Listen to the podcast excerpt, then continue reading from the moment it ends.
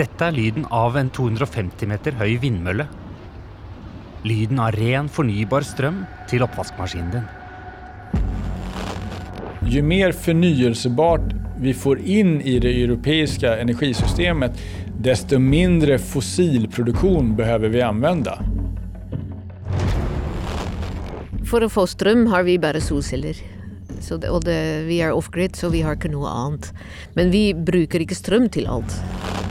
Vil vi i fremtiden lage vår egen strøm? Vi fikk høre fra veldig mange at det går ikke i Norge å være off-grid. Er vi klare til å leve i en verden hvor strøm kun lages av vann, vind, bølger og sol? I dag er vi for energibekvemme utifrån det her perspektivet. Vi tar energi for givet. Hva skulle få oss å akseptere mindre tilgang til energi? Du hører på Kaffemaskinen bare i bruk på soldager. Fra podkasten Urban Insight, laget i samarbeid med Sveko. Om 200 meter, ta til høyre. Og alt starter på en smal asfaltvei mellom røde gårder rett utenfor Holmestrand i Norge. Der er huset. Jeg kjenner igjen det store, runde vinduet rett foran. Og taket er dekket av solceller, ser jeg med en gang. Og bak der så er det en vindmølle. Hei, kan jeg stå her? Christian. Skal vi sette oss inn? eller? Sasha Bøhme fra Tyskland har håret stramt bakover i en hestehale. Gjertrud. Gjertrud. Hva heter katten? Ronja. Gjertrud Konst har runde briller og mørkt, litt grålig, langt utslått hår, og er fra Nederland. Og jeg har bodd i mitt hus nå i fem år, og vi er selvforsynt med strøm fra solceller. Um, her har vi prøvd å etablere et miljøvennlig hus som tar i bruk uh, lokale løsninger, som også er kortreist. Sammen har de stiftet økogrenda Terra Libra. Eh, å kunne leve miljøvennlig og allikevel ha et godt liv, det, det syns jeg er viktig. Jeg ønsker ikke å eh, dø med tanken at jeg har bidratt til å ødelegge verden for eh, generasjonene som kommer etter oss. Og da er det å gjøre det. Så ikke bare snakke og stemme et godt parti, men eh, å, å bygge et hus som er miljøvennlig, og dyrke sine egne grønnsaker, og um, ha en elbil, ja, osv., osv., osv. Du, Kan ikke dere ta, med oss en, ta en liten sånn guidet tur her? Da går vi nå til pumpehuset. I tillegg til å pumpe opp eget grunnvann, Fra 90 meters dybde Ja. uh, opp i den tanken. rense sin egen kloakk, Tømme dobøttene eller urintanken, eller bygge huset sitt av halm dekket av blåleire, den blir bare jord igjen.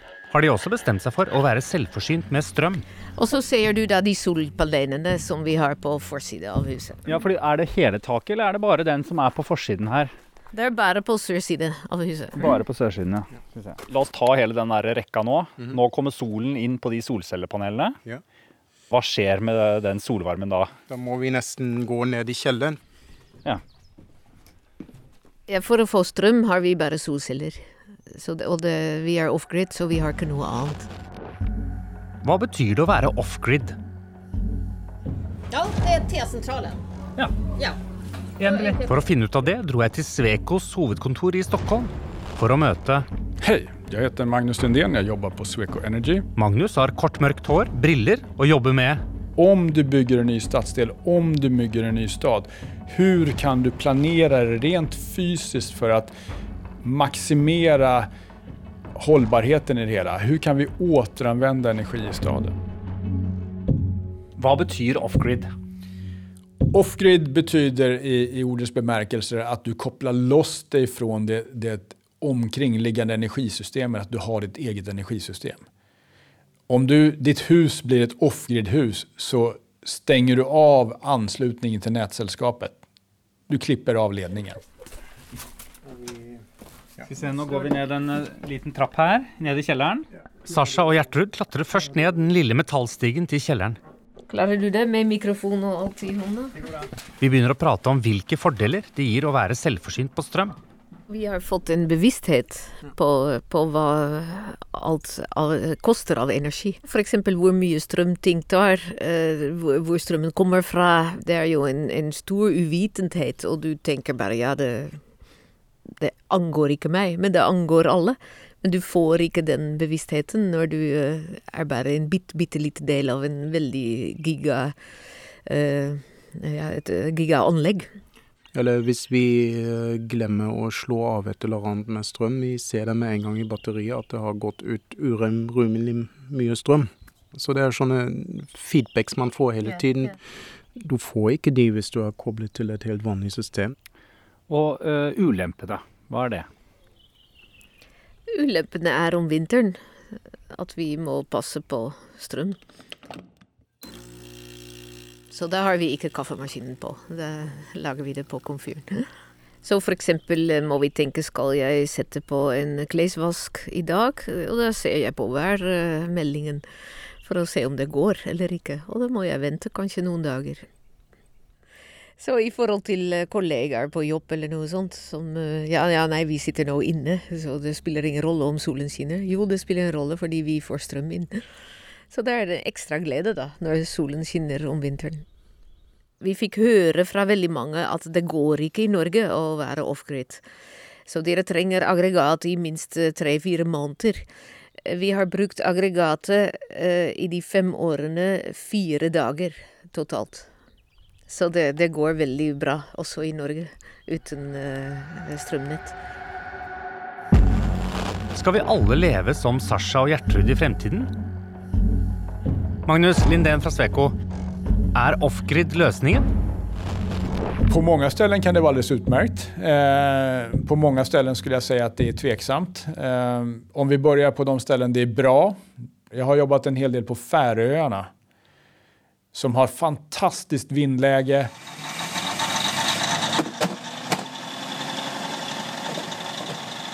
Men där man har dieselkraftverk som står och skapar el. Det bullrar, det är absolut inte bra för miljön. Så att hitta förnyelsebara off-grid-lösningar på de här ställena är ju alldeles utmärkt för miljön, både för utsläpp och för buller. Att gå off-grid i städer och samhällen är jag lite mer tveksam till. Nät är ju väldigt bra.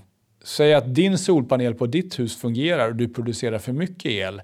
Har du en nätanslutning så kan du flytta den till en granne vars solpanel inte funkar eller något annat. Så då kan man hjälpas åt. Så nät är ju en veldig trygghet i det och det är en möjlighet att fördela resurser. Så her. Her står vi i kjelleren.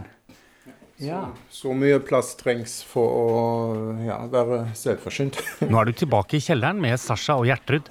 Dette er litt sånn hjertet av uh, selvforsyntheten. Ja, det er det, vårt tekniske ja, anlegg. I kjelleren er det store plastdunker langs veggene og en haug med ledninger. Men la oss bare ta dette med solen nå. Hvor kommer uh, denne varmen ned hen? Den strømmen som kommer fra solpanelene, den går gjennom en tjukk kabelbunt. Ja, den du holder i nå, ja. Ja. Svart, tjukk kabel. Masse små kabler, egentlig. Ja. Og de går inn i en eh, elskap. Og i elskapet sitter Du åpner elskapen. Der sitter batteriladere. Og det er fire totalt. Det ser ut som sånne harddisker. Eh, stasjonære harddisker. Ja. Og så blir det ført direkte inn i eh, seks store Ja. battericeller. Litt sånn eh, svarte søppelkasseaktig størrelse, da. Ute er det strålende sol og blå himmel. På batteriene står det 100% fulladet. Da klokka åtte var batteriene fulle. Og hva betyr det? Hvor, mange, Ja, det- hvor mye kan dere bruke da? Ja, så mye vi vil. Du, du klarer ikke å bruke det opp. Vil vi i fremtiden lage vår egen strøm? Er vi klare til å leve i en verden hvor strøm kun lages av vann, vind, bølger og sol? I dag er vi for energibekvemme utifrån fra här perspektivet. Vi tar energi for givet. Og løsningen ligger i å sjekke værmeldingen før du slår på kaffetrakteren. Om vi skulle begynne å tenke bra og dårlig energi energidag. En solig, vindig dag, då gör vi saker som är mer energikrävande. En molnig dag med dålig vind, då gör vi mindre. Jag tror ju personligen att det skulle hjälpa till. Alltså skulle vi ändra beteende och, och accelerera den här beteendeförändringen över tid så, så skulle vi få in mer förnyelsebart i systemet, onekligen. Men hvordan lære opp et helt samfunn til å slutte å bruke kaffetrakteren på regndager med lite strøm? Hva skulle få oss å akseptere mindre tilgang til energi? Kanskje er det en bilavgift som er løsningen? I Göteborg og Stockholm i dag så finnes det då så kallad, vad vi kaller trängselskatt. Det koster penger å kjøre inn i stan på höglasttid, altså på de timmar, de tidpunkter som väldigt mange vil kjøre bil i stan. Skulle vi flytta det här till energi? I trafiken har det fungerat, i alla fall i Stockholm och Göteborg. Det här är intressant. Skulle det också funka inom energi? Var skulle vi kunna komma då? Jeg syns det er en glede å vite at når solen skinner, som i dag, da får vi strøm inn.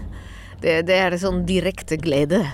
Men det er på en eller annen måte I Norge har det ikke kommet så langt, men jeg tror det er bare et kulturspørsmål. Det er ikke at det ikke er mulig, det er rett og slett at man ikke tror på det. Og det har med den uh, skyhøye strømforbruket å gjøre som mange nordmenn har. Og det tror jeg også er en del av det regnestykket når folk sier at det ikke går i Norge, at man da går ut fra for en vanlig norsk uh, strømforbruk for en husholdning som jeg tror ligger på 21 000 kWt i år, eller 24 000 eller noe sånt. Så det er helt vanvittig. Og dere har i året? Det er vanskelig å si, men jeg, hvis jeg skal anslå, sier jeg kanskje 5000. Så det er en fjerdedel til en femtedel, kanskje. Og da begynner vi å komme ned i et forbruk som faktisk tillater at man har lokal strømproduksjon.